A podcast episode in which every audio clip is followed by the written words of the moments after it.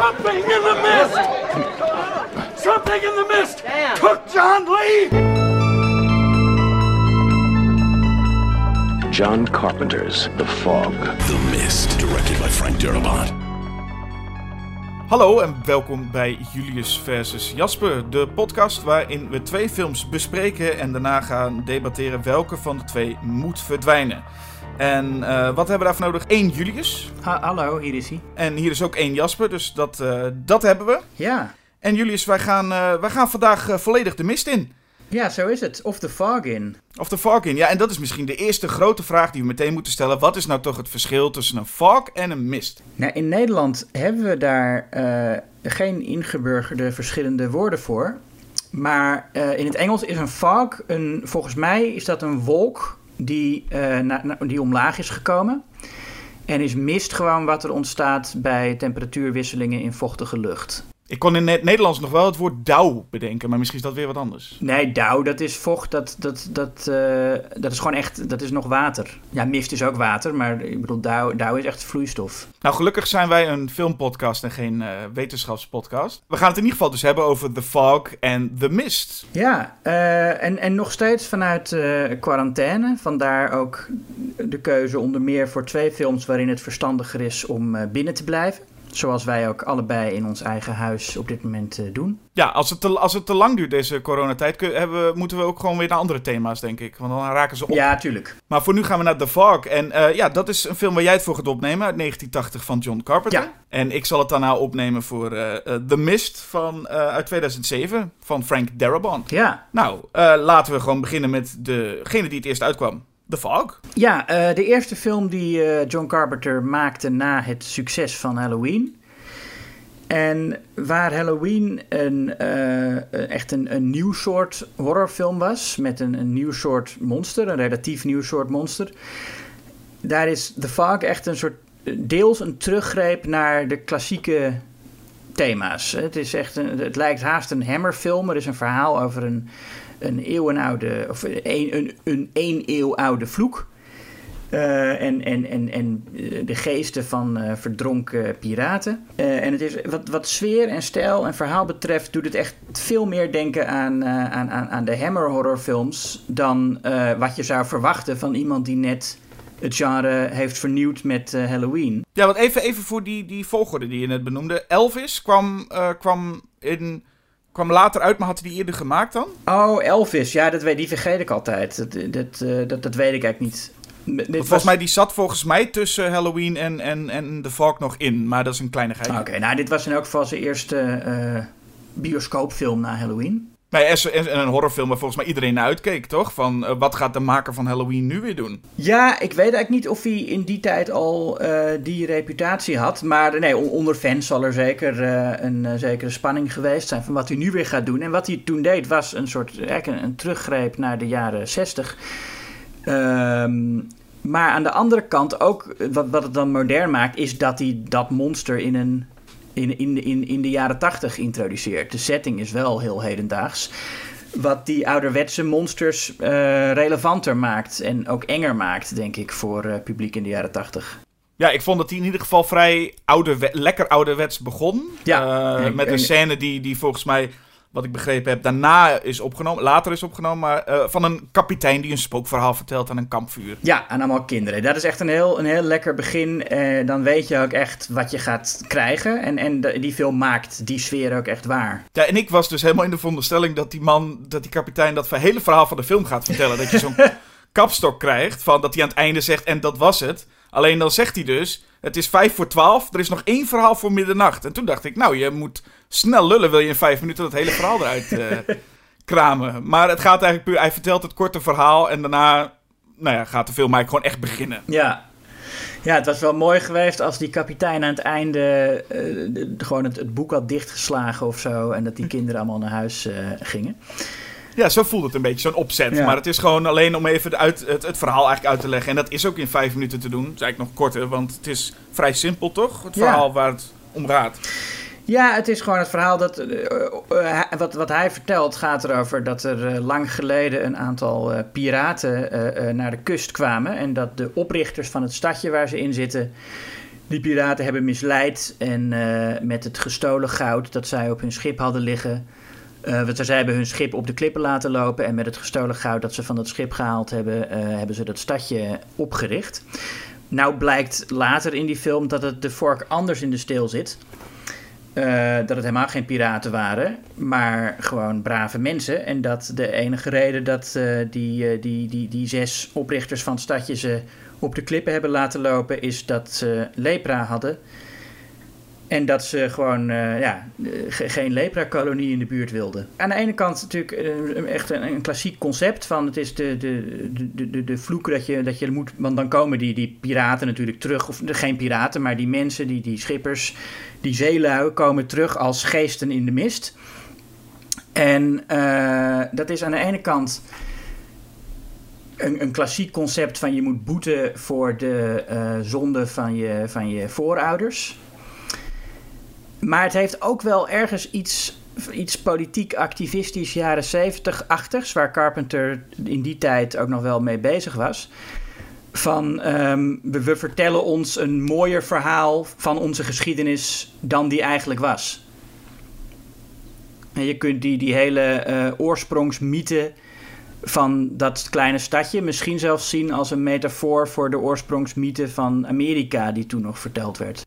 Ja, het is eigenlijk, eigenlijk dubbel, hè? Want er zit een, een, een laag in. En dat zal een, een, nou, een hippie, wat John Carpenter ook gewoon was, uh, heel erg bevallen. Maar je hebt tegelijkertijd is het ook gewoon zo oud als, als maar kan. Een, een, een mist met wezens erin. Dat is gewoon lekker eng. Ja. En daar speelt hij, daar speelt hij ook uh, uh, nou ja, goed mee in deze film. De rookmachines uh, blazen, blazen flink op, er flink op los. Ja, en het ziet er prachtig uit, moet ik zeggen. Er zijn een aantal shots dat je, vooral van veraf, wide shots, dat je die, die mist zo over de zee naar het land ziet komen.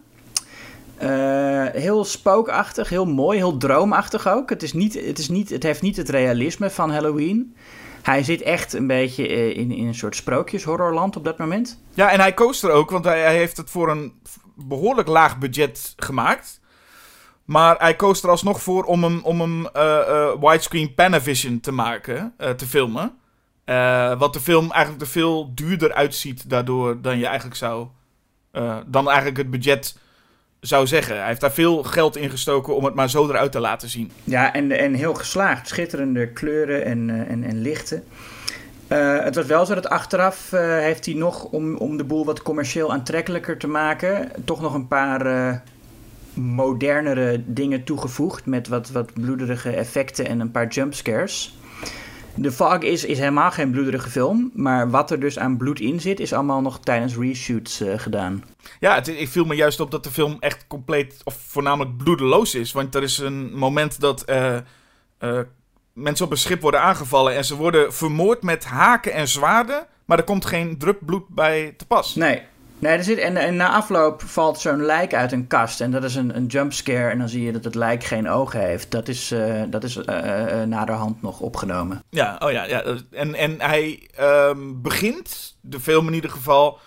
Nou ja, sowieso natuurlijk de hele concept van The Fog is een beetje zoals The Shape in Halloween. Je ziet heel weinig, je ziet bijna niks. En die hele mist is er ook nog niet. Als aan het begin van de film er vreemde dingen gebeuren. Dat is eigenlijk wat, wat, er dan, uh, wat er dan aan de hand is. Er is nog geen mist, maar de dingen, uh, dingen schudden, dingen vallen uit elkaar. Mensen worden bekogeld met, met stenen. Het is natuurlijk, ze zijn zich aan het voorbereiden op het vieren van de honderdste verjaardag van het stadje.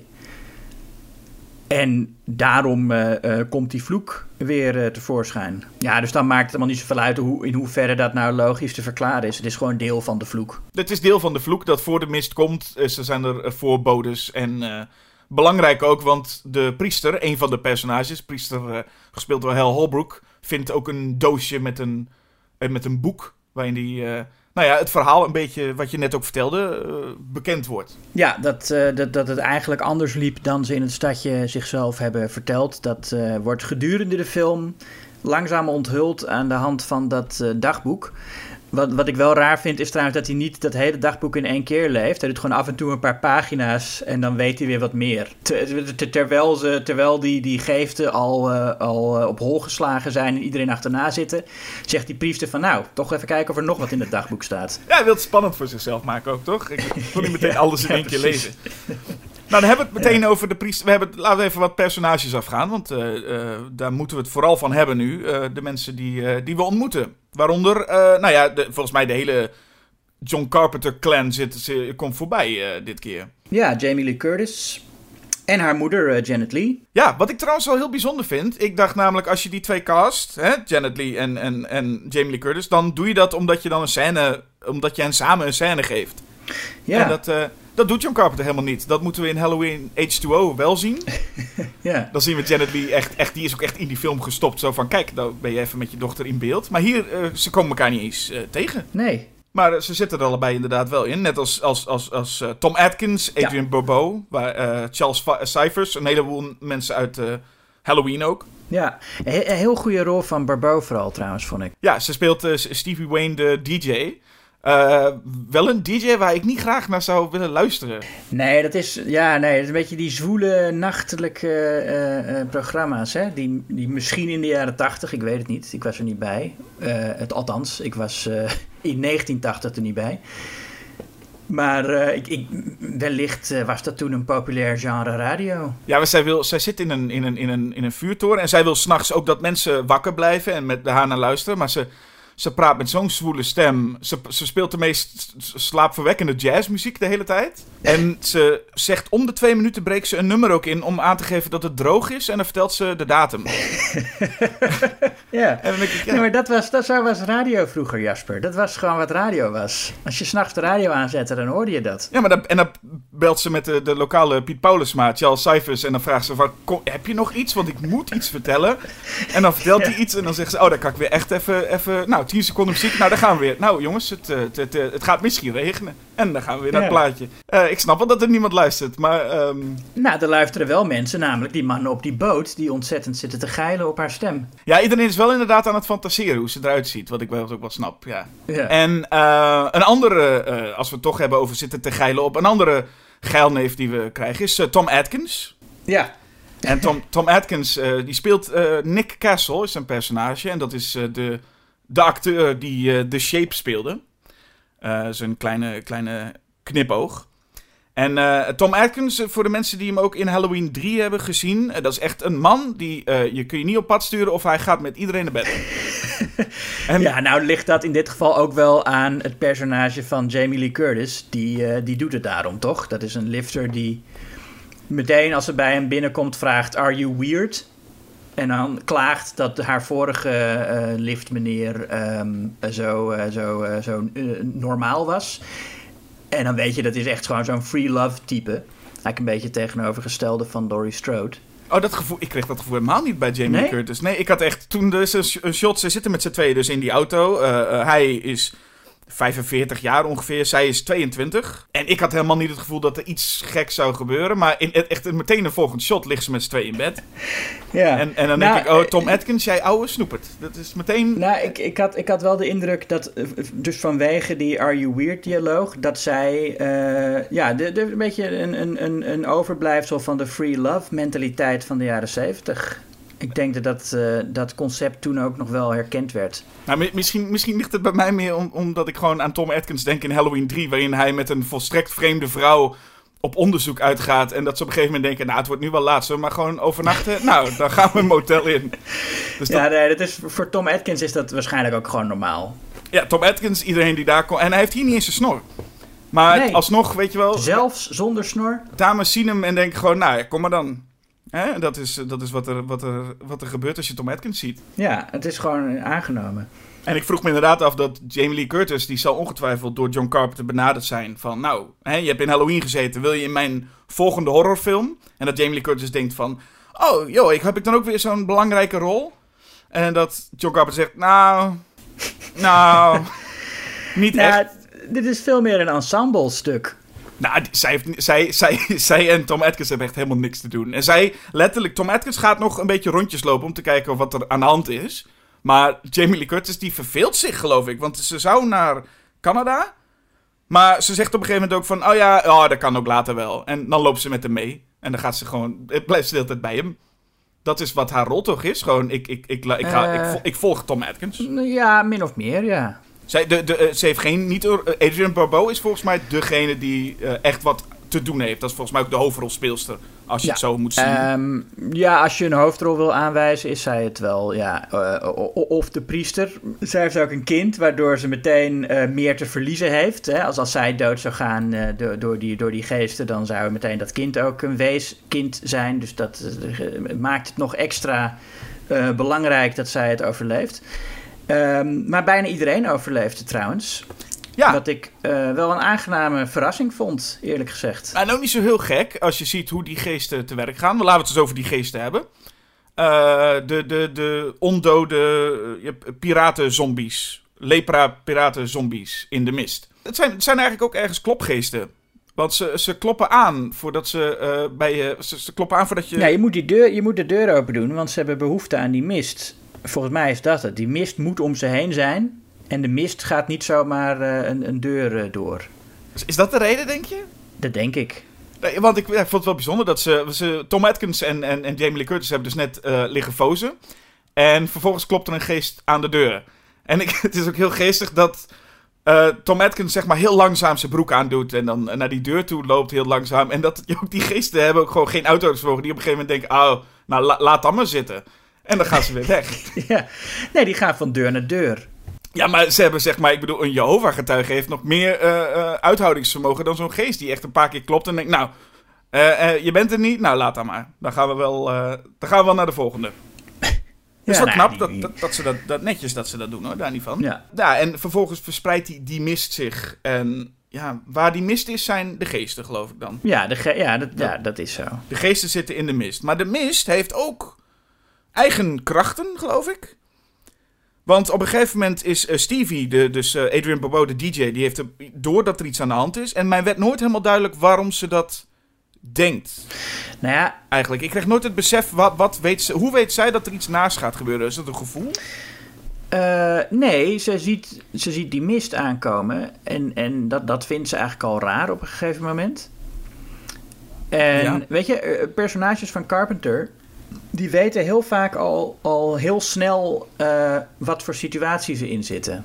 Ja, maar, maar, maar hoe kan, zeg maar, ik snap best als je een gemaskerde man in de heg ziet staan, dat je denkt, nou, dit lijkt me niet goed. Maar hoe kun je dat van, hoe kun je van een mist denken? Nou, dat zou maar zo kunnen dat daar die Nou, dat denkt ze niet per se, maar wel dat er iets geks is met die mist. Dat het een gevaarlijke Ja, ze is mist wel- is.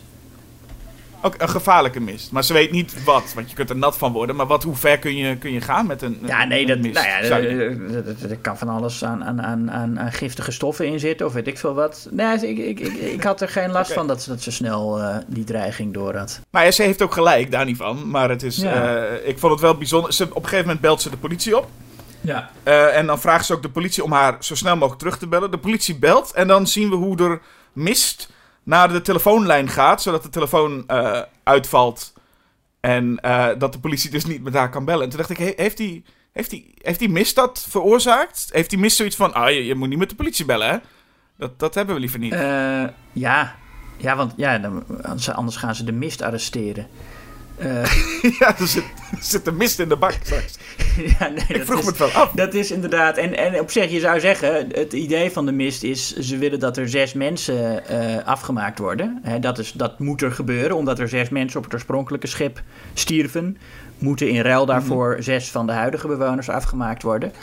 Dan zou je zeggen, die mist kan het niet schelen wie dat zijn. Dus als de politie gebeld wordt, is het alleen maar goed. Ja, hoe meer, hoe meer, hoe beter. Want dan zijn er meteen eh, mensen bij en dan heb je zo, dan zit je zo in de zes. Ja, want die Tom Atkins doet zijn deur maar niet open. Dus we hebben, kom maar even met de stel mensen hier naartoe. Ja, en de mist is ook echt eerlijk met die zes. Ik bedoel, het is niet zo dat de mist eh, eh, er, er nog meer wil hebben of zo. De mist houdt zich echt aan zijn eigen regels. Ja, ja, ja. En eh, wat je al zei, zij heeft dus een kind. En eh, op een gegeven moment is een heel spel hè, van... Zij roept naar, door radio van je moet... eh, Tom Atkins moet haar kind Ja. redden. Dus krijgt Tom Atkins wel echt iets Dat te is ook een mooie, spannende scène. Dat zij via de radio probeert haar kind eh, te bereiken. Ja, klopt inderdaad. Alleen de, de, wat me wel opvalt is deze... het, is, het is ook een soort van zombiefilm.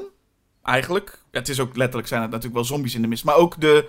Wat ik een beetje bijzonder vond, is dat door die mist kregen die geesten... Het zijn ook eigenlijk geesten, wat bovennatuurlijks. Maar ze moeten zich wel echt aan fysieke zombie-regels houden. Ze kunnen niet door een deur... Ze moeten gewoon eh, deuren openbreken Ja. of, of, of door ramen breken. Ja. En dat doen ze allemaal zo verrekte langzaam dat Tom Atkins tijd heeft om helemaal naar het huis te rijden, daar naartoe te lopen, raam in te slaan, het kind te redden. En dan is een zombie nog bezig, al vanaf het begint met een raam inslaan. Ja. En, en, en met zijn hand er langzaam door. Dus ze zijn ook wel, ze zijn wel tering traag. Ja, nee, hoor. ja, dat, ja dat, zo was dat toen. Zo, zo, was, zo was dat Ja. toen. Het gaat niet sneller. Nee, maar het zijn wel. Het, ik bedoel, ze, ze, ik had verwacht dat ze. En aan het einde blijkt er volgens mij dat ze wel kunnen verschijnen. Want dat doen ze aan het einde.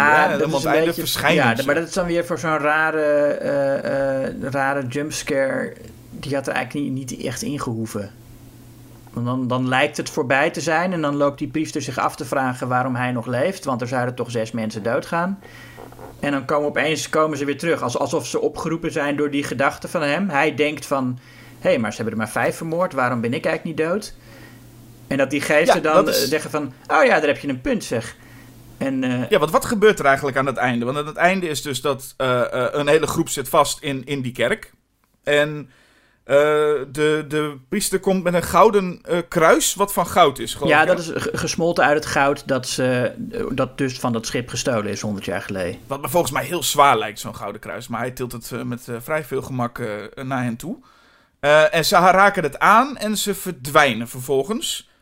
Eh, waarna John Carpenter ook 20 shots laat zien van wegtrekkende mist. Ja, Zodat je wel echt het gevoel hebt van, ja, het, ja, het, is, het is klaar. ja hij, hij Maar- geeft ze hun goud terug. Ja, precies. En ze hebben op dat moment vijf mensen vermoord. Ja. En hij geeft ze goud terug, dus ze verdwijnen. En inderdaad, dan vraagt, eh, aan het helemaal aan het einde, vraagt eh, de priester Hal Holbrook zich ook af, waarom geen zes toch? En dat is inderdaad het moment waarop de geesten dan denken, ja, verrek, je hebt gelijk. Ja. En ze, Hal Holbrook alsnog, wat wel een heel mooi shot is trouwens. Ik bedoel, ik vind het, een, het is een cool shot met eh, Rob Bottin, de, de make-up eh, man, die eh, The Thing natuurlijk deed, als hoofdpiraat. En met lichtgevende ogen in de mist. Dat is een mooi shot, maar inderdaad, ik, ik snapte dat einde niet helemaal. Maar ja, waarom... misschien is het ook een beetje zijn eigen schuldgevoel dat die geesten dan weer oproept. Dat is wel een, een thematisch mooie verklaring, denk ik. Ja, nee, dat goed. Dan... Maar goed, dat, eh, dat gebeurt vaker. Maar je geeft dan in principe de film meer dan de film jou Nou, geeft. nee, ja, nee, want de film geeft mij eh, eh, het, in elk geval het idee dat je, je woont, je, je hele geschiedenis blijkt opeens anders te zijn dan je dacht. Hij is trots op dat stadje en hij wil vieren dat het 100 jaar oud is. En ontdekt je opeens dat het allemaal gebouwd is op, op leugens en op moord. En daar voelt hij zich schuldig over. Plotgewijs is het natuurlijk allemaal eh, een beetje bij elkaar zoeken. Maar thematisch klopt het wel. Ja, alleen het feit dat dus Carpenter zegt: Oké, het is voorbij, want hij heeft het goud gegeven. En daarna komt hij nog een keer terug. Voelt ook erin gezet vanwege dat trucje. Ja, nee, tuurlijk. tuurlijk. Ja, het, is, het is gewoon, hij wil nog eindigen met een eng moment. Dat is zeker zo. Maar als het goed is, is het dus wel een happy end. Lijkt het dan. Want na zes moet het klaar zijn. Ja. Het is niet alsof de, de, de, de, de piraten zeggen: van nou, en nou gaan we. We hebben de smaak te pakken, we gaan nog even door. Nee, ik, ik geloof dat eh, het inderdaad zo is. Dat, die, eh, dat, dat de rest nu ook gewoon veilig is en de vloek is eh, opgeheven. Nou ja, het is een, een, een, wel een korte film. In ieder geval, niet, hij, is niet, hij is niet heel erg lang. En hij was nog veel korter, schijnt. En dat voel je ook wel een klein beetje. Dat is wel iets wat ik van... bij de, je, je kunt het op sommige vlakken sfeeropbouw noemen. Maar sommige vlakken is het ook dat ik eh, Adrian Barbeau drie shots lang, hele lange shots, een trap af zie lopen. Ja, En daarbij krijg je wel het gevoel.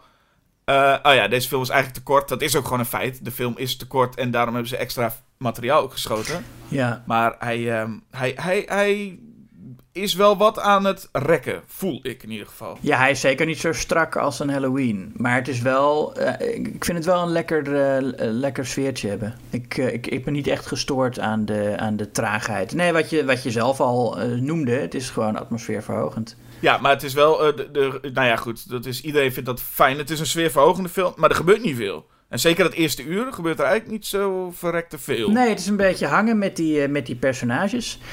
En eh, het is, je zou nog kunnen verwachten dat ze, dat ze één voor één doodgaan, zoals in een slasher. Maar dat gebeurt eigenlijk niet. Er gaan zes mensen dood, maar dat zijn allemaal, eh, bijna allemaal eh, randpersonages. Je hebt de, de, de buurvrouw van Adrienne Barbeau en haar zoontje. Ja, die komt oppassen, geloof ik, of is dat niet? Ja, die wordt. en dat is trouwens wel het meest gruwelijke moment van de film. Niet om wat je ziet, maar om het sounddesign. Je hoort, ze gaat naar buiten en dan hoor je echt die haken door haar vlees scheuren. Eh, dat vond ik heel mooi gedaan. Uh, sowieso een heel mooie scène trouwens. Hoe dat, dat, dat, dat jongetje gaat net, een, een, gaat net de kamer uit en doet net de deur dicht. Terwijl zij door die geesten naar buiten getrokken worden, zodat het, het zoontje het net mist. Maar, dat, maar zij is een beetje, de, de, volgens mij, de, het, het, het grootste personage dat, dat echt de boel met haar leven moet bekopen, of niet? Ja, en, en, en de priester natuurlijk. De priester aan het einde. Hoewel we niet 100% zien dat hij doodgaat. Nee, oké. Okay. Dus hij, hij, knipt weg daar. Maar je hebt de zeelui, waaronder ook een vaste John Carpenter-acteur, uh, George uh, Buck Flower. Is een van hen. Dat is de man die altijd vraagt als je een dronken, uh, dronken zwerver wil ja. hebben, dan moet je hem hebben. drie van hen, volgens mij gaan er drie, gaan drie daar dood. Dus dan heb je met die buurvrouw vier. Wie is nummer 5? Zitten, op een gegeven moment zitten ze zelf ook zo te tellen. Als ze in die kerk op de vlucht zijn, dan zeggen ze van ja, dan moet je oh, ja. dood. En dan... Maar wie is, wie is nummer 5? Um, ik zit ook even te denken. Ja, ik zit ook te denken. Ik heb hem gisteren nog gezien, maar nou heb ik, ik, had, ik had aantekeningen moeten maken. Kut, wij zouden, het, wij zouden het moeilijk overleven, Jasper. Als we niet weten wie de dood ja, is. als, als wij nu al dit probleem hebben. In, in die film hebben ze het gewoon goed op orde. Nou, ik zou het wel mogen overleven, want ik doe gewoon de deur niet open. Ja, oké, maar, maar alsnog, het, het, dit is wel echt een voorbeeld van hoe goed de personages in Carpenters horrorfilms het, de boel op orde hebben in vergelijking met uh, uh, de meeste horrorpersonages. Dat zie je ook in The Thing. Hebben ze gewoon heel snel in de gaten, dit is het beest en dit is wat het kan en dit is hoe we het kunnen oplossen. Nou ja, lukt uiteindelijk niet, maar ze proberen het wel en ze weten gewoon echt waar ze mee bezig zijn. En dat zie je hier ook. Uh, en dat maar is het, ik... het, is vooral de, de, de, de priester, toch, die het weet? Want de rest weet, heeft geen... Ja, wel, Adrian Barbeau weet ook wel. Ja, en ze zijn ook gewoon allemaal heel competent bezig. Ze zijn allemaal heel goed bezig. Ze gaan niet in hun eentje een hoek om. Ze gaan niet op onderzoek uit zonder uh, de rest in te lichten, weet je wel. Ze zijn echt gewoon allemaal... Behalve de weerman. Oh, de weerman, die gaat, dat is degene de die weerman, doodgaat. Natuurlijk. Ja, Charles Cyphers, ja, nou ja, de, die, de sheriff die uit is, uh, Halloween. Ja, en die is even dom bezig. Nou, die gaat er dan vrij snel aan. Maar voor de rest zijn het allemaal gewoon competente personages. Nou, die ook laten zien dat, je, dat juist in een crisis mensen heel goed kunnen samenwerken. Ik denk dat we, dat we van uh, uh, goed samenwerken naar niet goed samenwerken kunnen gaan uh, denken. The Mist. Nou, The Fall kwam uit 1980. En wel grappig dat The Mist, het verhaal, ook in 1980 werd gepubliceerd. En ik zat bijna te denken dat het daarom misschien ook gewoon de mist heet in plaats van de fog. Maar, uh, of zoals het in Nederlands heet, uh, dichte mist. Zo noemden ze het. Uh, oh, ze dichte mist. Oh, wauw. en een, een verhaal van Stephen King dus. Een kort verhaal. En degene die het mocht gaan regisseren was Frank Darabont, goede vrienden van Stephen King. Nadat hij de korte film Woman in the Room had gemaakt. En daarna natuurlijk Shawshank Redemption en The Green Mile. Nou, dan kun je bij... Uh, kun je bij Stephen King niet meer, uh, niet meer stuk. Ja, ja en, en, en dan moest hij nog uh, zijn beste Stephen King verfilming maken. Want dat is wat mij betreft wel de mist. Ja, wat Frank Darabont heel erg kan en heel erg doet is, is, is drama. Terwijl hij natuurlijk begonnen is in horror.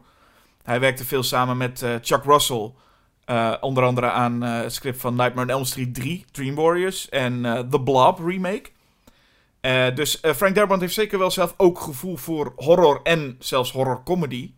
Alleen uh, zijn eigen films zijn ja, drama's. Met, met naast Shawshank en Green Mile ook het kitscherige Jim Carrey, The Majestic. Ja.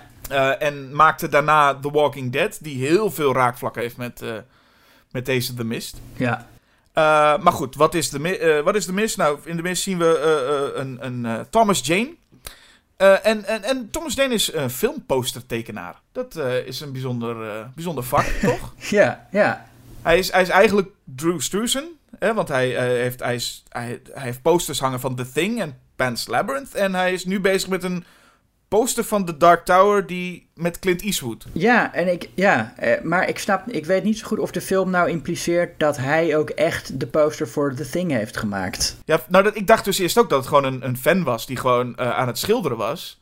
Totdat hij uh, tegen um, nou ja, zijn vrouw dan zegt van, ja de studio wil hem af hebben. Ja nee, ik, ja, nee, ik snap wel dat hij inderdaad professioneel filmpostermaker is, maar dan nog weet ik niet of hij dan die poster van The Thing gewoon heeft opgehangen omdat hij fan is van uh, Drew Struzan.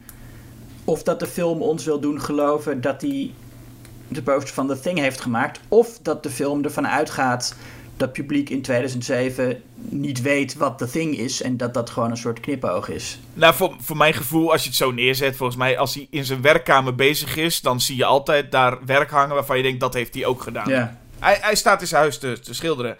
En dan komt er een storm. Ja. En het, het is heel fijn. Die film begint lekker, lekker vlot. Het is gewoon, eh, er is een, eh, een storm. En de volgende ochtend vraagt zijn zoontje, eh verwijzend naar de overkant van het meer, van wat is dat? En dan zegt hij, ja, dat is mist. dat is letterlijk het dialoog wat daar plaatsvindt. Want er komt ook een enorme mist, dichte mist naar hen toe. Nou ja, het verhaal is eigenlijk, ze zitten met Ze gaan naar de supermarkt en ze zitten allemaal bij, in een supermarkt vast. Met een hele groep mensen. Eh, en dat is ook fijn dat dat na een paar minuten ook al gebeurt. Het is een film die gelukkig niet te veel introductietijd vraagt. Maar gewoon, we zitten in de supermarkt, we zien een hoop van figuren. Ja. En eh, na 10 minuten gaat het luchtalarm en zitten ze vast in de supermarkt. Waar eh, de lol kan beginnen. Ja. Hij, ja, hij, hij- begint meteen met alle typetjes eigenlijk voor te stellen. Hoewel hij, hij doet dat heel. hij doet dat via een oude vrouw. er zit een oude vrouw. Dat vaak in dat soort films. En die stelt iedereen voor. Ja. Ja. En dat is wel handig altijd. Hè? Er zit zo'n vrouw die dan eh, eh, praat met het hoofdpersoon en die zegt... Oh, trouwens, dit is, eh, dit is Amanda. Zij gaat lesgeven. Oh, oké. ja. Oh, en dat is de, de, de advocaat. Dat is een grote, grote advocaat. en, en, en Jim, ja, ik gaf jou vroeger les, hè? Jij gaf jou les. Dus het is altijd handig om zo'n oud vrouwtje te hebben die iedereen ja, even ja, voorstelt. precies. En een van de mensen is eh, Marcia Gay Harden. Ja. En daar kan niemand omheen. Nee, daar kan inderdaad niemand omheen. Ehm, even- nou, voordat zij echt een beetje begint eh, de boel flink eh, onder controle te krijgen, hebben we al ehm, een aantal sceptici gezien. Die, eh, eh, eh, die denken van het valt allemaal wel mee met die mist. Hè? Die zeg maar zoals mensen die, om even de link met de actualiteit te leggen, mensen die een paar maanden geleden nog zeiden corona valt allemaal wel mee. Zo heb je hier de sceptici die gewoon de mist intrekken en eh, waarvan we daarna eh, niets meer horen. Ja, wat natuurlijk niet heel gek is, dat mensen de, eh, denken bij een... Maar alleen Jeffrey DeMunn, een van de, hoofd, een van de hoofdrolspelers, komt aangerend en zegt... Iemand, he- iemand is aangevallen, hij heeft zelf een bloedneus. Dus ze hebben op dat moment al wel door, er is iets meer Ja. aan de hand. Ehm, maar goed, dat, en, en dat is dus. eh, eh, eh, je hebt dan de sceptici die het helemaal niet geloven. En dan heb je daarna dus de mensen die samen proberen een oplossing te zoeken. En de extremisten die de crisis eigenlijk voor hun eigen gewin ook willen gebruiken. Ik denk dat de film eigenlijk die drie groepen een beetje schetst. Ja, er is een, een, een, een van de sterkere dramatische scènes is als eh, het personage gespeeld door Melissa McBride eigenlijk zegt: Ik moet naar mijn kinderen toe. Dat is vrijwel in het begin. Eh, wie loopt met mij mee? En niemand wil dan met haar meegaan, de mist in. En zij denkt: Oké, fuck it, dan ga ik wel alleen. Eh, en dat is het, het eerste moment waarin er echt een soort van drama is van... ja, als niemand, niemand wil mij helpen. Dus vanaf dat moment weet je, als zij eenmaal naar buiten is... We zien ook op dat moment niet wat er met haar verder gebeurt. Je gaat ervan uit, iedereen die die mist ingaat, die gaat eraan. Ehm, en dan kom je inderdaad al die verschillende types tegen... en iedereen staat er net weer anders in. En het zijn wel echt types, maar dat is ook wel echt Stephen King. Het zijn ook echt de meest grote over neergezette typetjes die je kan krijgen. Ja, en ik, ik denk dat dat eh, op zich voor de metafoor van de film, die toch wat mij betreft wel gaat over hoe mensen dus in het echt met een crisis omgaan, eh, ook wel oké is dat het types zijn. Dat je echt archetypes hebt van, eh, nou ja, die, die Marcia Gay Harden, de religieuze extremist die eh, de crisis voor haar eigen gewin wil gebruiken. Zoals je die nu ook ziet met de coronacrisis. Eh, dat, dat soort figuren die dan roepen dat corona dan wel een straf van God is, dan wel een straf van de natuur. Wat een beetje een soort moderne versie daarvan is, gek genoeg.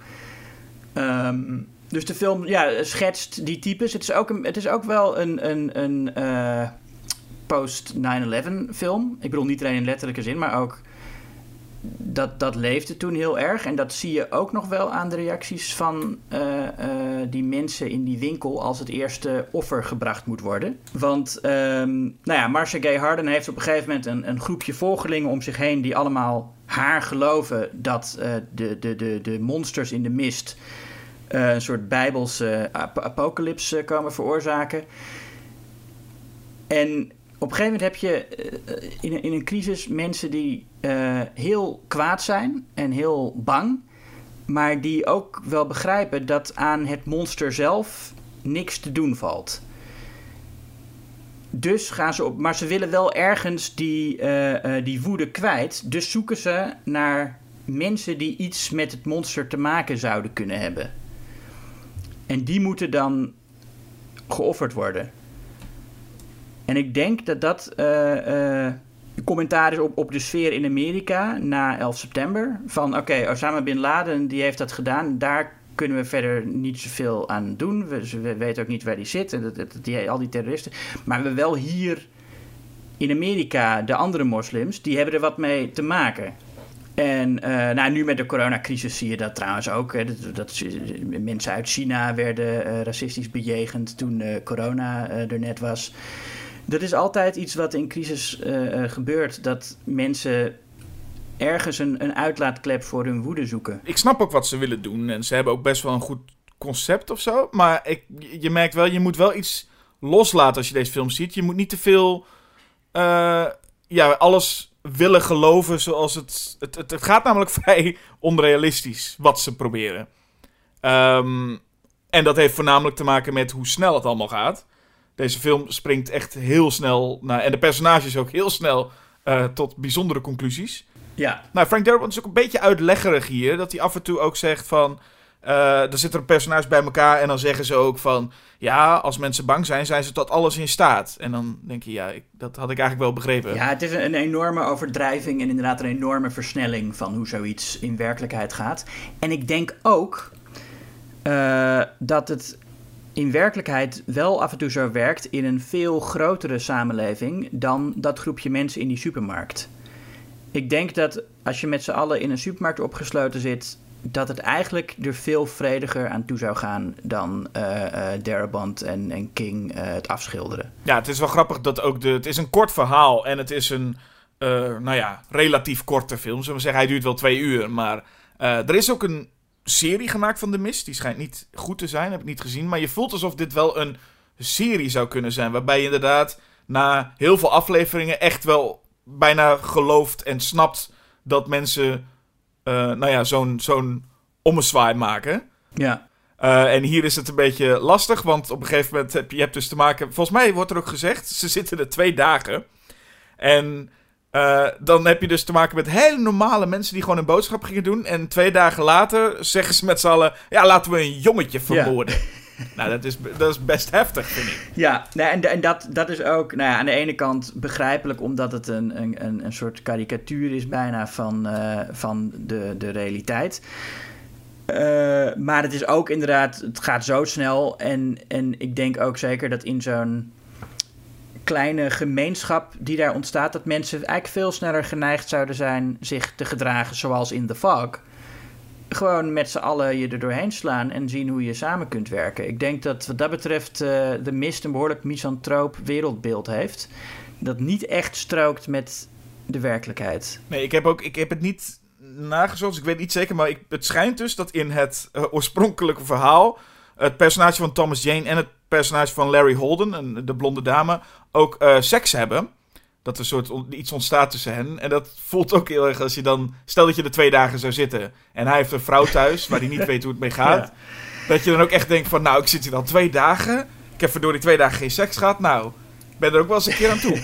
ja, ja. En dat heb je natuurlijk... Ja, als hij zo'n serie neerzet als The Walking Dead... waarbij mensen al, al weet ik veel, maanden, vele maanden... Eh, van elkaar uh, verwijderd zijn. Maar nu voelt het ook heel erg als... Nou, we zijn al twee dagen van elkaar vandaan. Nou, en zo ontstaat er zo'n teringzooi. Ja. En, maar gelukkig, door die typetjes, hij probeert het natuurlijk. Hè. Ik bedoel, we weten allemaal, de pestkoppen in, in, in Stephen King verfilmingen zijn altijd van die ongelooflijk overdreven uh, pestkoppen. Die ook alleen maar kunnen uh, leren jasjes dragen en alleen maar kunnen pesten. Je hebt hier William Sadler, is volgens mij het leukste typetje wat dat betreft. Van, is echt een asshole. Ja. Die echt zo'n redneck, ik weet niet, de, de South Park aflevering van We Don't Take Kindly to, to You Folks. Dat is gewoon letterlijk William Sadler hier. Die ook tegen, die tegen Thomas Jane op een gegeven moment zegt van... Jij, jij, jij, jij met je Hollywood-connecties. Ik denk, ja, als, als postertekenaar. maar uh, dat is zo'n type die dan eigenlijk begint als soort van... Ah, ik geloof er allemaal niks van, het is allemaal maar gezeik. Vervolgens ziet wat er allemaal gebeurt en daar helemaal in shock van raakt. En daarna omdraait en volledig zich aansluit bij eh, Marcia Gay Harden. Die, die in het begin nog gewoon neergezet wordt als de dorpsgek. Het is ook niet alsof we zien... eh, zij heeft ergens ook... een Nee, iedereen vindt daar gewoon de dorpsgek. Zij, zij raaskalt maar. Maar vervolgens eh, sluiten mensen zich nogal snel bij haar aan. Ja. En dat gaat gewoon zo snel dat je... En wat nog leuker is, dat ze sluiten bij, bij haar aan. Maar ze gaan vervolgens ook als haar acteren en praten. Ja. Dat doen mensen schijnbaar ook. Ja, dat, en- dat je ook daar haar maniertjes meeneemt. Ja, en, en ja, goed, nogmaals, dat is in het echt. eh, komen zulke soort dingen wel voor in, in crisissituaties? Dat mensen zich heel snel aansluiten bij eh, een, een, een, een, een waanzinnige. Ik bedoel, kijk naar Jensen en zijn eh, volgelingen op Twitter.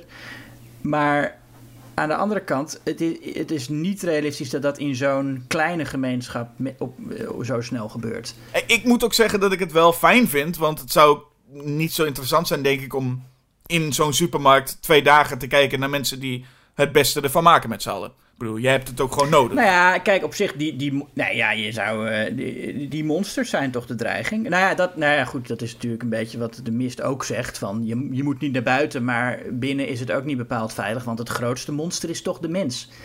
Wat eh, een vrij clichématig i- idee is om in 2007 nog eh, mee aan te komen. Dat is elke zombiefilm heeft dat moraal natuurlijk ja, ongeveer ook. ja, precies. Die monsters. Nou ja, misschien ja, wil je het daar dan over hebben? Over, over de monsters. Liever niet, want ik moet het voor deze film opnemen. Eh, maar Oh. laat, nee, laat ik beginnen door niet per se de monsters, maar laat ik beginnen om te zeggen... Oké, die special effects, die, die, die, dat, dat, dat is hem niet echt. En nou begreep ik dat jij de zwart-wit versie hebt gezien. ja, ook. Ook. Ik, ik, heb al, ja, eh, ik vind de zwart-wit versie mooier. Ja, dat kan ik me goed voorstellen. Wel. Ehm, dan de kleurenversie. En onder meer ook vanwege die monsters. Die, eh, eh, nou, in zwart-wit zie je iets minder goed dat de CGI niet altijd even best is. Maar ook de kleuren die ze in de kleurenversie hebben, vind ik heel saai. En in zwart-wit kun je, ga je je vanzelf voorstellen dat ze allemaal veel mooiere kleuren hebben. Ja. Dan Nou zijn, het echt, dan zijn het echt mooie beesten om te zien. Ja, nou is het ook zo dat de, eh, de productie, ik bedoel, sowieso ten eerste Frank Darabont heeft, eh, kreeg niet veel geld. Hij kreeg wel wat, behoorlijk wat geld, of in ieder geval een redelijk budget aangeboden. Maar toen werd hem gezegd, dan moet je wel het einde veranderen. Nou, dat, daar komen we zo vast wel op, maar dat deed hij dus niet. Hij wilde vasthouden bij dat einde. Ehm, toen kreeg hij iets minder en hij heeft dus ook gedraaid met een soort nou ja, televisiecrew. Die dus ook weten hoe je snel kan draaien. En het voelt ook wel een beetje zo. Daarom dacht ik ook met The Walking Dead. Hij voelt, het voelt ook wel een beetje als een televisieserie. het voelt niet heel filmisch, de, de, Mist. En ik zag hem toen in de bioscoop en toen had ik dat een beetje. Maar nu ik hem nog echt terug, terugzag, dacht ik... Ja, die effecten zijn gewoon, ja, zijn gewoon slecht. De, de CGI is, is echt ondermaats. En ik snap wel dat de zwart-wit versie ja, dat wel meer maskeert. Maar Ja, en, en in zwart-wit ziet hij er ook veel filmischer uit. het is sowieso een trend natuurlijk, hè, met, met Mad Max, Fury Road en Logan. Eh, er komen steeds meer Ja. films die nu in zwart-wit ook uitkomen. Eh, wat, een, eh, wat niet mag van de studio heel vaak. hè. Zwart-wit, dat is een, een doodsteek voor de, voor de commer- commercie. Maar dat heel veel regisseurs toch wel graag in zwart-wit willen uitbrengen. Ja, Parasite laatst ook. Oh ja, ja, ook eentje inderdaad.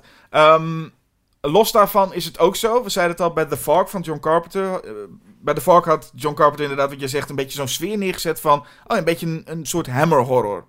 En hier wil eh, Frank Darabont ook wel heel graag teruggrijpen naar ook die jaren 50 monsterfilms. Ja. En dat is eh, misschien dat dat zwart-wit daar ook wel heel erg nou ja, deel van uitmaakt. Ja, dat zou, dat, dat zou goed kunnen dat dat zijn overweging was. Thomas Jane is de held, maar hij is in het begin gelukkig nog niet meteen die held. Hij, eh, als het allemaal losbarst, is hij er gewoon met zijn zoontje bezig en met, een, met dekens. En is hij, is hij niet degene die meteen opspringt als, ik ga hier de boel wel even runnen. Eh, die rol krijgt hij gaandeweg.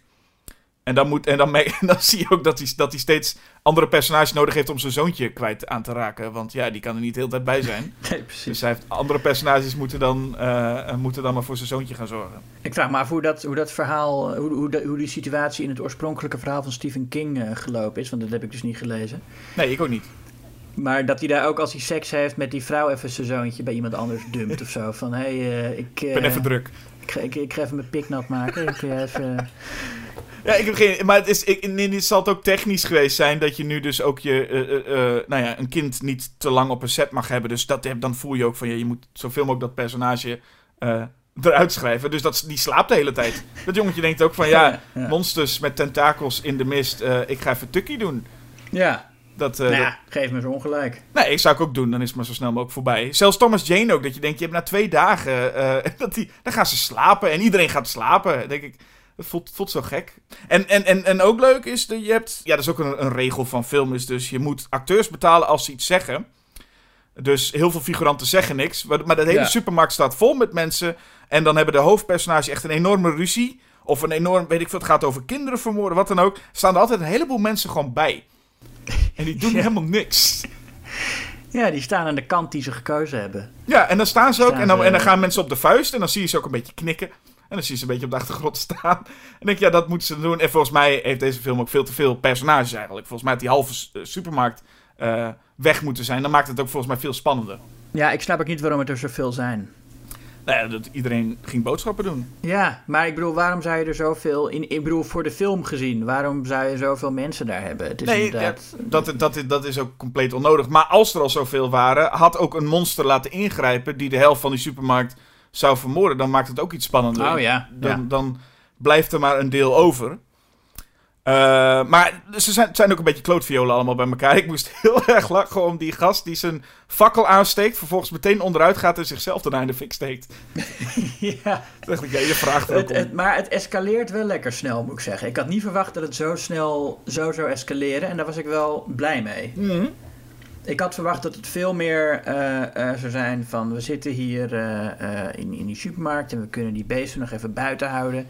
Maar het is echt al, al behoorlijk snel inderdaad... dat de beesten binnenkomen en dat er met ze gevochten wordt... en dat ze die gasten uit zichzelf in de fik steekt. Ja. En dan denk je van... oké, dit is vrij vroeg in de film. Wat kan er nu nog gebeuren? Ja, maar het is ook zo dat die beesten, hè, ze komen binnen, maar waar, waar de, de geesten van de Fog echt op mensen aan het jagen waren, deze beesten lijken niet op, echt op mensen. Die, die zijn niet per se op mensen af aan het gaan. Het zijn wel gewoon echt beesten zoals, eh, volgens mij vliegen die grotere beesten vliegen op die kleine beesten af, om die op te vreten. En, en komen op het licht af. Dus het is niet alsof ze een soort van, als zombies of zo, wij willen hier naar binnen voor jullie. Nee. Dus wat je dan merkt is dat er één zo'n losgeslagen beest eh, rondvliegt in die supermarkt. En dat door de paniek die mensen zichzelf en de hele, bijna de hele supermarkt in de fik vliegt. Door, door het toedoen van paniekerige mensen ook. Ja, Maar gelukkig is er één personage, en dat is toch wel, wel mijn favoriet, dus van alle typetjes. Je hebt Ollie. En Ollie is de, de, de eh, eh, ja, supermarktmedewerker, die Ja, eh, gespeeld wordt door Toby Jones. Toby Jones inderdaad, heel goede acteur. Een hele goede acteur. En het is dan ook zo'n, zo'n eigenlijk zo'n, zo leer je hem ook kennen, zo'n klein onzeker mannetje. En dat blijkt de grootste badass van de hele, van de hele crew te zijn. Ja, Die eh, met een pistool overweg kan. eh, en eh, uiteindelijk ook onze grote schurk door het hoofd schiet. Waarbij de, en ik weet nog dat het, mijn bioscoop, weet ik nog, was allemaal luid aan het juichen. En dat zie ik bijna nooit. Toen zij door het hoofd geschoten werd. En dat had deels te maken met dat Ollie ook wel een badass is. En te maken met dat zij ook wel een gehaat figuur Ja. is. Marcia Gay Harden. Die het ook gewoon heerlijk over de top, maar ook wel goed speelt. ja zeker. Ik, ik had daar, moet ik zeggen, ik had daar liever door zo'n beest gepakt zien worden. En ze- Maar ik, ja, het blijft gewoon wel een beetje gek dat zij als dorpsgek. eh, weet je, Margaret White was ook zo'n personage van Stephen King natuurlijk. Ja. Eh, ja, die, die was gek en iedereen vond haar ook gek. En die kon alleen in haar eigen huis dat doen. En het is gewoon heel raar om te zien hoe Margaret White een supermarkt ingaat. En na twee dagen mensen gewoon helemaal omhelpt. En dat van, ja, we gaan allemaal vermoorden. Ja, ik, ik, ik denk dat zij inderdaad gewoon een reflectie is op de enorm stijgende populariteit van allerlei gekke priesters na 11 september. Want het was wel echt zo. Maar dat de vergissing is geweest om dat in zo'n kleine setting te laten werken. Ja, en ik denk ook dat eh, een deel daarvan heeft ook te maken met dat Frank Darabont houdt van zijn drama. En wil tegelijkertijd die jaren 50 een beetje pulpy monsterfilm maken. En Ja. ik heb het gevoel dat hij zichzelf af en toe een beetje in de weg zit. Dat hij zichzelf te serieus neemt en dat het soms te campy is en soms weer te serieus op drama gaat zitten. Nou ja, goed, veel van die, van die jaren 50 monsterfilms hadden natuurlijk ook eh, een, een paar politieke thema's. En, eh, en waren ook wel serieus. Ik bedoel, Godzilla is natuurlijk heel eh, serieus van toon. De oorspronkelijke Godzilla. Maar toch voel ik met, met de, de wezens en de tentakels voel ik wel alsof je... want daar konden ze natuurlijk in de jaren 50 heb je ook wel van die films met van die rubberen tentakels die heel nep lijken. Maar de acteurs doen alsof het echt heel heftig is. Maar daar heb je niet het gevoel dat ze dat, dat, dat bewust is. En hier heb je het gevoel dat. Oh ja, Frank Darabont wil ook gewoon een lekkere, lekkere monsterfilm maken. Lekker grote gedrochten die rondvliegen. Mensen die zichzelf in de steken. En maar, en, maar daar is hij ook wel goed in. Ik bedoel, los van dat de, dat de special effects niet oké zijn... eh, zitten er wel echt leuke, gruwelijke vondsten in, vind ik. Ja, en hij is niet voor niks. Ik bedoel, hij is niet voor niks ook mede verantwoordelijk voor eh The Blob. En dat, dat is een, Ja. een, een, uitstekende, lekkere pulpy monsterfilm. Maar die heeft de toon wel duidelijker dan... Hier probeert hij op een of andere manier The Green Mile en The Blob te combineren. En dat, dat is een bijzondere combinatie, maar niet eentje die altijd 100% werkt. Maar ik merk wel dat als ze bijvoorbeeld de, drogist, de drogisterij ingaan... Ja, dan komt er wel wat... Ja, joh, dan gaat hij wel lekker los met allemaal spinnetjes die overal uitkomen. En, En, mensen in spinnenwebben hebben we natuurlijk ook wel eerder gezien, maar blijft eh, effectief, vind ik.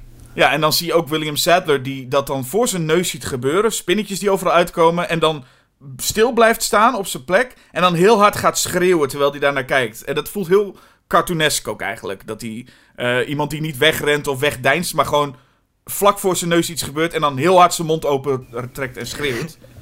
Ja, hij is verstijfd van, van schrik. Nou, wat natuurlijk niet in lijn is met de lekkere monsterfilm. Ik weet niet of je daar al aan toe bent, maar dat is het slot. Ja, dat is toch wel even een ding. Ja, nee, het, eh, het, het slot is toch wel het meest memorabel van de hele film. Ik ben benieuwd wat jij ervan vindt. Dat het zo afloopt, als het afloopt. Eh, ja, nou, wat in ieder geval dus gebeurt, even voor de, voor de luisteraars die deze film niet gezien hebben, die nu graag willen horen hoe ik vertel hoe het afloopt. Want ja, zo wil je films beleven. Nee, ehm, op een gegeven moment kikt de muziek van de Australische band Dead Can Dance in. En dat is wel een, een stuk muziek waarvan ik ook denk, volgens mij kun je die onder elke willekeurige scène plakken. En dat maakt het een stuk epic. Eh, en, en heftig en dramatisch. Maar en dan rijden de, onze hoofdpersonages weg, eh, eh, kiezen daarvoor en komen zonder benzine te zitten. En, en in een vrij snelle conclusie, dat moet ik wel zeggen. Dus wederom, dus deze film is wat mij betreft echt staat symbool voor... Het gaat allemaal wel vrij snel. Ja. Is, ja, we hebben geen benzine meer. Zal ik jullie dan alle vier maar door de kop schieten? Dat is, is wat er een beetje gebeurt. Ja, Maar dat ligt wel in lijn met de rest van de film. Want mensen wilden na, gezonde mensen wilden na twee dagen eh, een kind al vermoorden. Ja, dan snap ik ook wel dat Thomas Jane na, na, na, na nou ja, een tijdje rijden denkt van... Weet je wat, ik heb nog maar vier kogels. Ik heb vijf mensen in deze auto. Ik schiet er vier door hun hoofd. ja, inclusief zijn eigen zoon. Ja, best wel heftig, want hij zegt ook niks tegen dat zoontje. Het zoontje wordt wakker, die kijkt naar, eh, naar zijn vader, een beetje verschrikt ook. En dan bam, schiet hij, schiet hij zijn zoontje door eh, het hoofd. Ja, en ja, dat vind ik dus echt helemaal niet eh, werken, dat einde. Er zijn heel veel mensen die zeggen, oh wat mooi, een, een duister einde. Maar nee, weet je, fuck dat. Het, ik, het is gewoon niet... eh, het, het is nog minder geloofwaardig, vind ik, dan hoe snel de boel escaleert in die supermarkt. En het is ook... ehm, eh, het, het is helemaal geen goede tragedie. In een, in, een, in een klassieke tragedie is het zo dat de, de reden dat het slecht afloopt... is een zwakte van de hoofdpersoon. Het komt altijd uit de persoon zelf en het is altijd een zwakte die wij al eerder gezien hebben. Maar eh, die, die, eh, David eh, Drayton, het personage van Thomas Jane, is helemaal niet neergezet als iemand die heel impulsief en emotioneel beslissingen neemt. Weet je, dan, dan zou het nog kunnen. Als hij iemand was die altijd meteen denkt van... oh, we moeten nu dit doen... en, en heel impulsief is... dan zou het nog een beetje werken als tragedie. Maar moet je dan ook niet gaan... Moet je, als, een, als een redelijke man. Maar moet je dan ook niet, als je dat goed wil praten... dus zeg maar, je wil eigenlijk een reden hebben waarom die zo snel die beslissing neemt... dan moet je dat voor de rest van de film ook doen. Waarom al die mensen ook beslissing, eh, zo snel beslissingen nemen. Meteen paniek, meteen we gaan Maar ja, een kind daar opofferen. snap ik nog wel dat het een soort allegorie is voor hoe mensen in crisistijd nadenken en, en zich gedragen. Maar in dit hij wordt de hele film gepresenteerd als, als de redelijke stem. Hè, die gewoon oplossingen zoekt en het langst redelijk blijft. En aan het einde is hij opeens van, oh, eh, eh, alle hoop is verloren. Weet hij helemaal niet. Hij heeft niet eens het. Ik bedoel, wacht op zijn minst tot je ziet waar dat beest vandaan komt wat je denkt te horen. Want dat blijken dus uiteindelijk eh, legertanks te zijn. En dan is die ironie van, oh, ik heb iedereen doodgeschoten... terwijl nu net het, leger de boel kwam redden. En dan staat hij daar naast zijn auto te schreeuwen. Ja, Ehm, en wa- waar het dan ook nog eens bij komt dat ik het een, een beetje een zwak einde vind om het leger de boel te laten redden. Uh, niet, niet dat ik, ik bedoel, dat is, dat is een beetje gemakkelijk, vind ik. Hoe, hoe versla je die enorme monsters? Oh, nou ja, het leger. Ja, maar wat, wat, wat, wat, wat had anders gemoeten? Wie hebben anders van die vlammenwerpers? Ja, uh, niks. Je kan toch ook dat zeggen dat die monsters er gewoon blijven? Of dat ze uit zichzelf vertrekken? Volgens mij gaat het vooral om het moment dat hij uh, in die vrachtwagen kijkt en dan ziet... Uh, en dan Melissa McBride ziet. Het personage waar niemand mee wilde lopen in het begin. Ja. En die heeft haar kinderen weer. Dus dat is volgens mij het moment van waarop je kan denken... Oh, had hij gewoon in het begin... We weten even niet op, hoe het met die mensen in de supermarkt is. Misschien zijn die allemaal dood, weten we niet.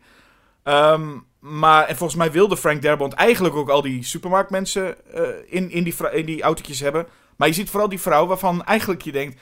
Oh, was hij meteen maar meegelopen met deze mevrouw? Ha, was hij nu, had hij het nu gered? Uh, maar ja, hij, hij, had misschien ook gewoon zijn zoon niet meteen de, uh, door de kop moeten schieten. nee, precies. Toen de auto nog, nog niet eens stil stond. Dat, um, ja, maar nee, ik snap het wel. Alleen ik had het in de lijn van de film.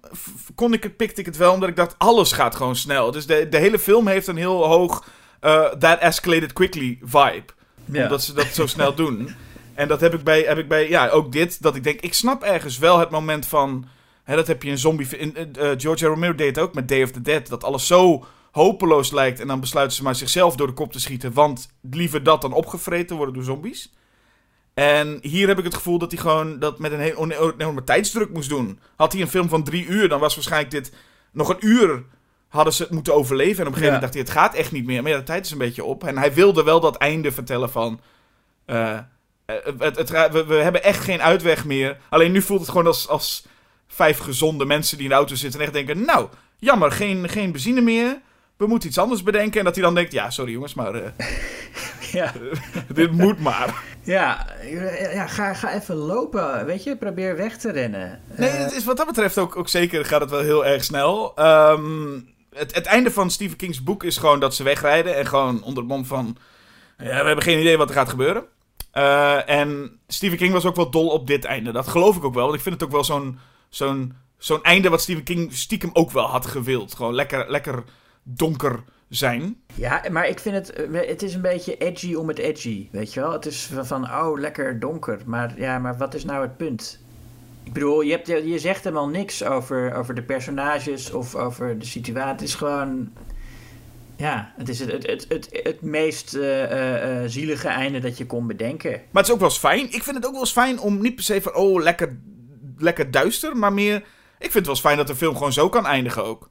Gewoon van, oh, het is best wel kut eigenlijk dit. Ja, nee, natuurlijk. Ik heb ook niks tegen slechte eindes. Ik bedoel slecht in de zin van unhappy. Maar uh, uh, het mag best slecht aflopen. Maar ik wil dan wel dat het... Uh, ik bedoel, in American Werewolf in London bijvoorbeeld... heeft het veel, een veel betere reden dat het zo afloopt. Maar die loopt ook wel redelijk goed af, goed af. Hij, hij, hij, hij, wordt doodgeschoten. Ja, maar hij is, hij is ook goed af voor de mensen. Maar, maar hij is ook een weerwolf. Ja, nee, maar goed. Ja, maar ja, nee, oké. Okay. maar hij is wel de held. Ja, maar het einde wat ik, wat ik hier een beetje voel is de, de originele Invasion of the Body Snatchers. Waar ze een einde aan geplakt hebben. Daar hebben ze een einde voor geschoten, want het mag niet zo eindigen. Want dat eindigt ook met een gast die op de snelweg staat en zegt: Jongens, luister nou. En niemand wil luisteren. En hij. Het... Ja, maar dat, dat vind ik ook een heel goed einde. Ik bedoel, het einde, het einde dat voor het uh, aangeplakte einde komt. Ja, dat is een heel sterk einde. En voor mij voelt dit, los van dat het heel snel gaat, dat schieten, voelt dit wel als een zo'n soort einde. Van laten we nou eens een keer een monsterfilm maken die op die manier eindigt. En... Nou, maar in, in, in Body Snatchers is het veel gerechtvaardigder en, en, relevanter vanuit het thema gezien. Hier is het gewoon. Uh, ik heb echt de indruk dat het helemaal niet vanuit het personage komt. Het gaat mij dan meer om het concept. Monsterfilm op die manier eindigen. Daar ben ik wel een voorstander van. Om te zeggen van laten we het dus op deze manier eindigen. Zoals ik het ook doodzonde vind dat de originele Body Snatchers uh, zo'n aangeplakt ja. einde heeft. Ja, ik, ik zou er ook een voorstander van zijn als nou, wat ik net zei, het, het, het eerder duidelijk werd uit het, uit, uit het personage van uh, Thomas Jane dat hij zo iemand is. Of, uh, uh, ja, weet je, ik heb dat met, ik heb dat ook met Romeo en Julia. Dus ook de, uiteindelijk gaat het, het is een van de beroemdste tragische eindes uit de literatuurgeschiedenis. Maar de enige reden dat het misgaat, is dat een boodschapper gewoon niet op tijd die boodschap door weet te geven aan, eh, aan- weet je wel? En dan denk je van, ja, maar dat is gewoon een foutje. Dat is gewoon dom. Dat is niet tragisch. Maar het feit dat dat ook zo memorabel is, is dus ook omdat we dat meestal niet zien. Omdat we meestal de eindgoed al goed eindes krijgen. En niet alleen voor de sprookjes en kinderfilms, maar dus ook zelfs de serieuzere, zelfs horrorfilms, wil de studio's ons wel een wat optimistischer einde geven. En, en, en, en, en dit, kijk, The Fog heeft een einde wat gewoon echt een soort van, nog even zo'n punch krijgt. En dat is wat elke horrorfilm een beetje moet hebben. Ofwel een opzet voor een vervolg, of gewoon het publiek nog even naar buiten sturen met een scare. Maar wat de mist echt doet, is gewoon mensen echt wel even naar buiten sturen met... Ja, is kut hè, is gewoon eh, zijn kind doodgeschoten. En dan blijkt het toch wel, gewoon, had hij niet moeten doen. Ja. Nee, ik, ik ben het met je eens dat, het, dat er met het gevoel dat het oproept op zich niks mis is. Behalve dan dat bij mij vooral een gevoel van irritatie oproept. Omdat ik denk, dit is niet, eh, het is niet het Hamlet-einde, maar het Romeo en Julia-einde. Het is gewoon, er was een vergissing. Ja, en ik ben, ik ben wel, ik ben met je eens, het einde kon eh, sterker. Wat dat betreft, inhoudelijk kon er echt wel sterker het einde. Maar ik geef eh, maar props aan Frank Darabont dat hij ook sowieso bij dit einde is gebleven. Het is misschien niet het beste, maar ik vind het wel fijn dat het een keertje op zo'n manier eindigt. Ja, nee, nee, wat ik zeg, een hopeloos einde is in principe prima. Misschien ben ik gewoon meer voorstander van inderdaad het concept. En ik, ik bedoel, als wat, alles wat ik hoor, eh, alles wat ik lees, eh, iedereen heeft het wel vaak over dit einde. Dus het, blijkt nog echt wel iets te doen. Ja, nou ja, goed, ja, je zegt iedereen heeft het over het einde. Ja, na- natuurlijk. Maar als het zou eindigen met dat opeens Mickey Mouse tevoorschijn komt, zou iedereen het daar ook over hebben. Ja, maar dan zou iedereen het erover hebben dat het een stom einde is. Ja. En ik weet niet of iedereen het er nu over heeft dat het een stom einde is. Ik, Nee, nee, nee, nee, tuurlijk. Nee, maar ja, nee, dat is zo. Maar, maar nee, oké, maar ik vind dat wel. nou ja, wat ik, wat, wat ik, eh, eh, waarom ik de Fog eh, eh, beter vind, naast dat ik het eh, gewoon een, ook een, een betere film vind, is ik vind ehm The Fog ook een, ik denk juist in deze tijd, Jasper, als je mijn naam gaat noemen, dan is er wel echt iets eh, aan de hand nu. een fijnere film.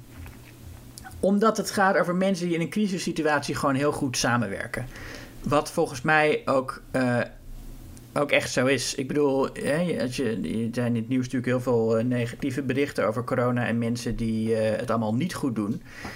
Maar eh, ik vind dat we eigenlijk best wel, als je gewoon, als, als, we, als we de hele situatie gewoon van afstand bekijken, zijn we best goed bezig met samenwerken.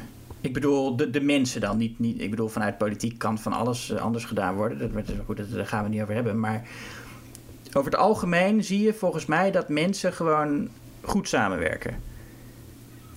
En dat zie je in de Fog gereflecteerd. En, ik, ja, en, en in de Mist is een, is een, is een misantropenfilm. Eh, en, en die verdedig jij als mensenhater. Ja, ik, ja, nee, ik, goed, goed, eh, goed bedacht inderdaad. Ik, dacht, ik, zat- ik zat al te denken, oh god, krijgen zo, we zo'n eh, zo'n einde. Ehm, wat? Wat, wat, wat, wat voor einde? Wat? Nee, dat je meteen inderdaad zo- zo'n zo'n diepe laag aan twee eigenlijk best wel gewoon monsterfilmpjes geeft. Dat, eh, Nou, monsterfilmpjes, Jasper. ja, dat, want uiteindelijk zijn The Mist en The Fog zijn, zijn niet veel meer dan dat. Laten we heel eerlijk zijn. We kunnen het allemaal eh meesterwerken noemen, maar nee, dat, is, dat zijn ze allebei niet. Nou, ik, ik zeg geen van beide meesterwerk, maar eh, het idee dat een film een, een allegorische of metaforische laag kan hebben, juist een horrorfilm, dat is toch niets nieuws voor een, een schokkend nieuwsliefhebber? Nee, nee, nee, het is niks nieuws, maar het is ook niet bijzonder, vind ik. Nee, ik zeg het niet dat het bijzonder is, maar ik, ik, ik, ik noem het omdat ik het relevant vind. Ja, ja, precies. Nou, deze mensenhater heeft wel een, eh, een, een, een, andere visie dan. Weet je, ik ga gewoon voor mijn, ik ga voor mijn ouderwetse, mijn, eerst, eerst mijn ouderwetse betoog. Het, betoog wat, ik, wat iedereen inmiddels wel kan dromen. Weet je wat er gebeurt als je de valk weghaalt? Nou, Weet je wat er dan gebeurt, Julius? nou, Dan haal je bij John Carpenter een, een film uit zijn, uit zijn eh, repertoire waar die man helemaal echt niet om te leien heeft. Die, eh, die heeft Halloween gemaakt, daarna kwam Escape from New York in The Thing. Wat kan hem die valk nou schelen? Toch? Die haal je van zijn cv, niemand mist die hele film. Terwijl als je bij Stephen King een goede verfilming weghaalt... nee, dan moet je koesteren. Die kun, je kunt die man niet zomaar zijn, zijn, een, een beetje een fatsoenlijke verfilming... Weet je hoeveel troep die man heeft staan op zijn cv? Dat kun je niet doen. Dat is, dus wat dat betreft is het al dat je gewoon de mist moet behouden en de valk. Ach, wie mist die nou? John Carpenter in ieder geval niet. Die denkt, ik heb daarvoor een klassieker gemaakt. Daarna twee ijzersterke films. Waar kan die tussendoortje nou schelen? Je mag Elvis mag je er gewoon gratis bij hebben. Mag je die ook wegdoen. nou Geeft niks. zeg. Eh, ja, dat is wat, hè? Nee, ik denk dat als je de Fog weghaalt bij Carpenter, eh, eh, dan mis je een, een schakelfilm. Ja, het is, niet, het is zeker niet een van zijn, van zijn meest relevante. En misschien ook niet zijn- een van zijn beste. Maar misschien ook wel een van zijn meest onderschatte. Hoewel ik dat woord liever niet gebruik. Maar het, het, is, het is echt een, een, een... Ik vind het een belangrijk onderdeel van zijn oeuvre. En wat betreft Stephen King verfilmingen... eh, je hebt natuurlijk nog The Shining, je hebt Carrie, je hebt The Dead Zone, je hebt Misery, je hebt Stand By Me. Ehm, je, hebt Cujo. En ik, ik, ik denk eh, dat de mist niet snel gemist zou zijn als hij, als, hij, eh, als, hij, als hij weggaat. Nou ja, er zijn natuurlijk mensen die de mist een van de beste vinden, maar ik zou hem niet missen. Nou, oké. dus Stephen King hater. eh eh, Julius vindt gewoon dat hij dat, dat van zijn oeuvre af mag. Maar wat het voor mij vooral is... Ik, wat ik zei het net al. Ik vind twee, het zijn twee vermakelijke monsterfilms. Meer vind ik The Fog ook niet. Meer vind ik The Mist ook niet. Voor mij is The Mist simpelweg gewoon eh, vermakelijker. Waarom? In het eerste uur gebeuren er dingen in The Mist. Dat, dat vind ik wel prettig.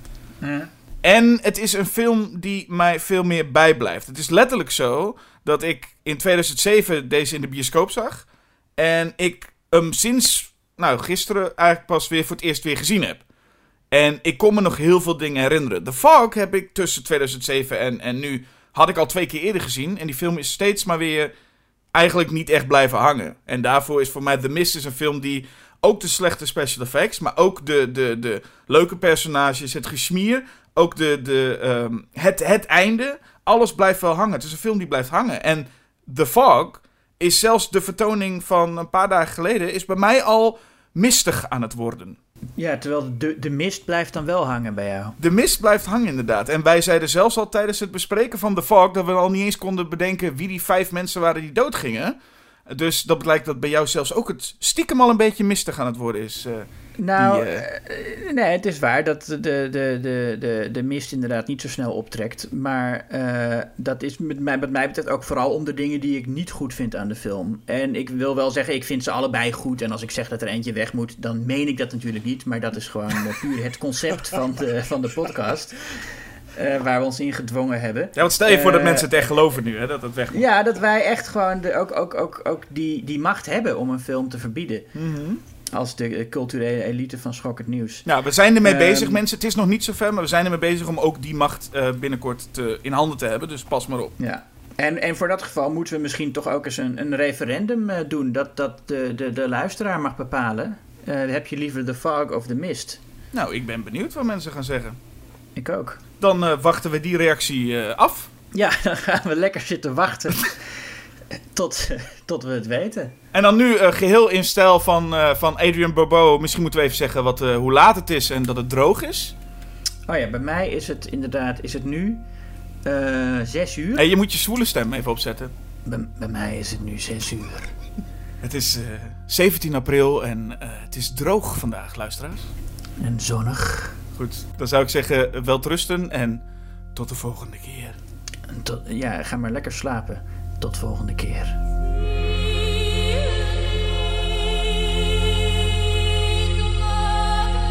11.55. Almost midnight.